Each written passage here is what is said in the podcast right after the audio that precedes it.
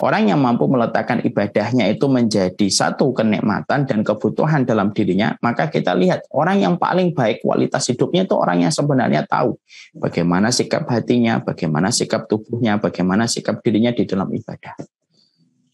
Karena apa? Karena hatinya mendapatkan asupan yang dibutuhkan. Layaknya tubuh kalau mendapatkan asupan air yang cukup, maka dia akan sehat. Ya. Jadi kalau kita ngelihat diri kita atau melihat teman-teman kita kok meninggalkan ibadah.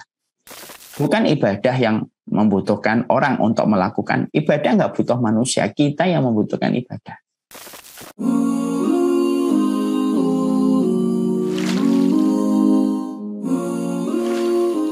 Mimbar TV, inspirasi surga.